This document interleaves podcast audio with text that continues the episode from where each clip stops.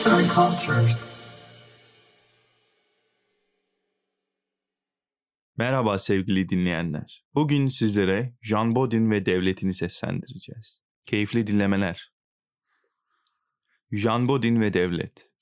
Jean Bodin, avukat, ekonomist, doğa felsefecisi, tarihçi ve 16. yüzyılın en önemli siyaset teorisyenlerinden biriydi. Bodin'in hala büyüleyici ve gizemli olarak anılmasının iki sebebi vardır.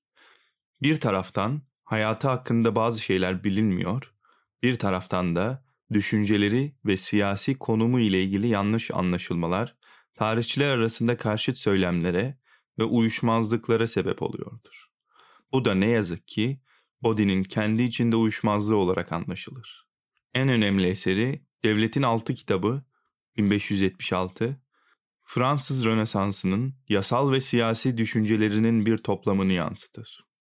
Tarihi Kolay Anlama Yöntemi kitabı 1566, Avrupa Hümanizminin ilk modern ars historikasının doruk noktasıdır.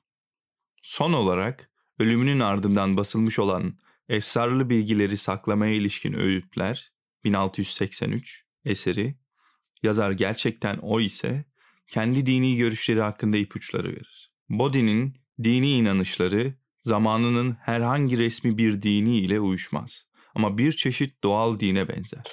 Bu podcast'te Bodin'in orijinal eserlerini ve bu eserlerin çevirilerini kısaltmalar kullanarak kaynak göstereceğiz. Bodin'in siyaseti. Egemenlik mi, mutlakçılık mı? Bodin'in en büyük eseri Devletin Altı kitabı, Bodin'in kendi ürettiği bir terim olan siyaset biliminin bir analizidir. Kitapların başlıkları şöyledir. 1. Düzenli devletin sonu. 2. Farklı devlet türleri hakkında. 3. Meclis 4. Devletlerin yükselişi ve yıkılışı. 5. Devletin türünün insanların çeşitli durumlarına göre uyarlanmasında gözlemlenecek düzen ve emirleri belirleme araçları. 6. Nüfus sayımı ve sıkı denetim. Bodin'in zamanının siyaset bilimine en önemli katkısı egemenlik tanımıdır. Egemenlik, onun tanımıyla devletin hem iç işlerini, örneğin mutlak siyaset gücünün kullanımı, hem de dış ilişkilerini, örneğin savaş idaresini ve uluslararası ilişkilerini de etkiler. Majeste ya da egemenlik, devletin vatandaşları ve kulları üzerinde en yüksek, en mutlak ve daimi güce sahiptir. Latinler buna majestas der.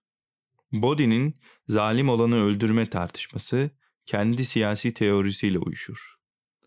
Örneğin, Bodin, zalim olanı öldürme bazı durumlarda mesela zalim gaspçılara karşı haklıdır derken, zalim olduğu düşünülen bir prensi öldürmek, prens mutlak egemen olduğu durumda yasaktır. Bodin şöyle açıklar.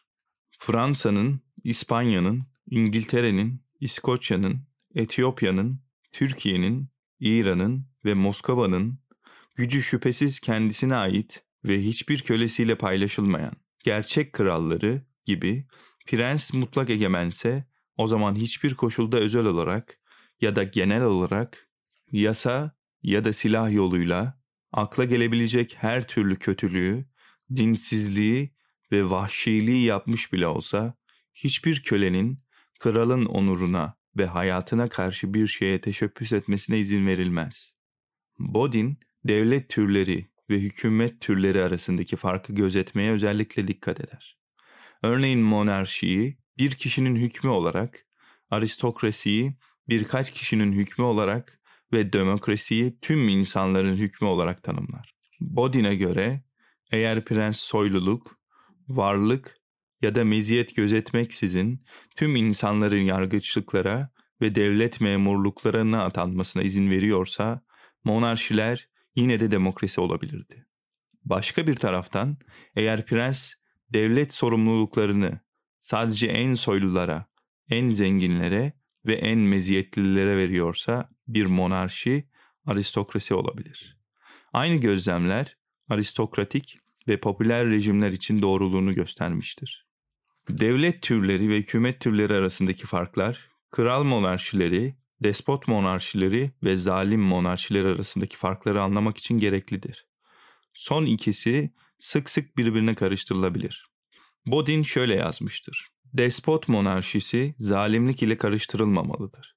Düşmanlarını iyi ve haklı bir savaşta yenmiş bir prensin, savaş kanunları hükmünce onların malları ve insanları üzerinde mutlak hak iddia etmesinde ve daha sonra onları kendi köleleri gibi yönetmesinde hiçbir sakınca yoktur.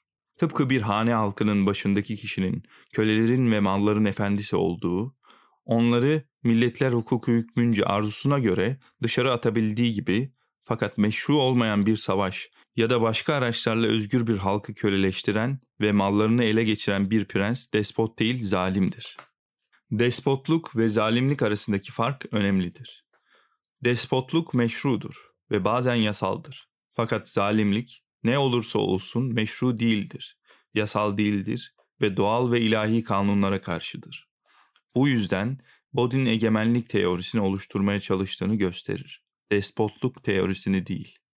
Aynı şey mutlak monarşiler ile ilgili de gözlemlenebilir. Bodin, mutlak sıfatını bir egemeni tanımlamak için kullandığında bunu bir Roma hukuku tarihçisi olarak yapar. Ve bir Roma hukuku tarihçisi için absolutus yani mutlak kelimesi legibus solutus, egemen olan kişinin ayrıcalığı ile ilişkilidir. Bodin'in mutlak konseptini anlamak için onun yazdıklarına çok dikkat edilmesi gerekir. Bodin için bir egemen atalarının ya da kendisinin koyduğu sivil ya da pozitif kanunlar ile bağlı değildir. Fakat bir egemen her zaman doğal ve ilahi kanunlar ile bağlıdır. Bodin'e göre egemenlik kişinin istediği kadar yücedir. Fakat aynı zamanda doğal ve ilahi kanunlar tarafından sınırlandırılmıştır. Ne yazık ki 19. yüzyılda mutlakçılık kelimesinin girişiyle siyaset felsefesi tarihçileri Bodin'i mutlakçılık teorisini olarak anmaya başladılar. Bu günümüzde de devam eden bir eğilimdir. Bunu yaparken bazı tarihçiler Bodin'e aslında ona yabancı olan bir öğretiyi atfetmiş oldular. Aksine Bodin bir egemenlik teorisi sistemini kurdu ve bunu tanımladı. Fakat tarih yorumunun bu sorunu yöntemlere ve eş zamanlı ve art zamanlı bakış açısına dayanır. Tarihçiler Bodin'i Machiavelli ile karşılaştırmazlar. Bodin'i çoğunlukla ondan sonra gelenlerle kıyaslamaya çalışırlar. Grotius, Altius'us, Locke ve özellikle Hobbes, Montesquieu ve Rousseau. Hiçbir şey tarihçiyi böyle kıyaslamalar yapmaktan alıkoymamalı. Tabi bu onun tek analiz yöntemi olmadığı sürece. Tüm tarihçilerin anladığı gibi bir yazarı tamamıyla ve doğruca anlamak için eserini tarihi döneminin tartışmalarına ve bağlamına oturtmak gerekir. Bu yüzden dinleyici Bodini eserlerine, kaynaklarına ve gelecekte ortaya çıkacak olanlardan ziyade onun yüzyılında mevcut olan belgelere dayanarak yargılayıp yorumlamalıdır. Çeviren Özlem Yuvarlak Seslendiren Aykut Tüzemen